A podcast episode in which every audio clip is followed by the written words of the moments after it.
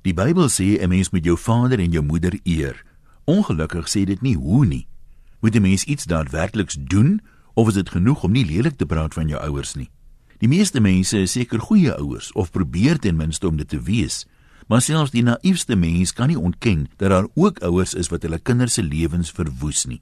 Of hoe sou jy 'n pa beskryf wat sy eie dogter forceer om dinge met hom te doen wat in ander pa's hulle dogters beskerm? Moet so 'n pa ook geëer word?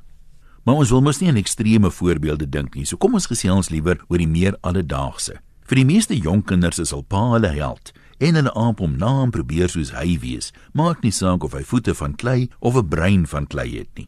Of jou pa nou uiters konservatief of uiters liberaal is, uiters Christelik of uiters onchristelik, jy wil soos hy wees. Sommige kinders leer later vir hulle self dink en bevraagteken die dinge wat hulle ouers glo, maar ander glo weer dis disrespekvol en sal daarop neerkom dat jy nie jou vader en jou moeder eer nie. Sê nou jy kom uit 'n familie wat altyd saam staan. Dis mos soos dit hoort. Julle ondersteun mekaar en help met plesier wanneer 'n familielid hulp nodig het. As daar 'n familiebesigheid is, werk omtrent die hele familie daar en beklee senior posisies wat hulle nooit in enige ander besigheid sou beklee het nie. Ander werknemers mor dalk 'n bietjie omdat net familielede bevorder word, maar dan moet hulle mos maar ander werk soek. Niemand dwing hulle mos nie en familie kom tog eerste. Dis is dit hoort. Sê die Bybel dan nie ook as een broeder te sterwe kom, moet sy broer sy weduwee as vrou neem en na sy kinders omsien nie. Sê nou dis soos jy groot geword het. Dis jou waardes wat jy uit respek nooit bevraagteken nie. Sê nou verder jy beland in 'n regeringspos. In die goeie ou dae het 'n landdrosse vrou dikwels heel toevallig ook by dieselfde landdroskantoor as hy gewerk. En my pa sê as jy destyds nie 'n broeder was nie, kon jy van senior regeringsposte vergeet. Maar dit was lank, lank gelede.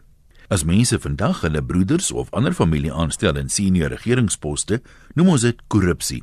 Al het die mense dalk aan moedersknie geleer, 'n mens se eerste plig is om jou familie te help. As jy uitleef wat jou vader en jou moeder jou geleer het, eer jy hulle mos. Ja, natuurlik is die staatsdiens niemand se familiesaak nie. Nes dit nooit die broederbondsin was nie. Maar hoe moet jy dit nou weet?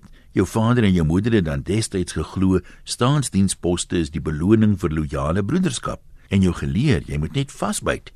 Eendag sal die wiel wel draai en jou kans sal kom. Intussen moet jy net respek aan hulle betoon. Onthou, daar staan nie geskrywe jy moet jou vader en jou moeder die eer gee wat hulle toekom nie. Daar staan net jy moet hulle eer ongeag wat hulle toekom. Maar hoe doen 'n mens dit? Groete van oor tot oor. Antoniem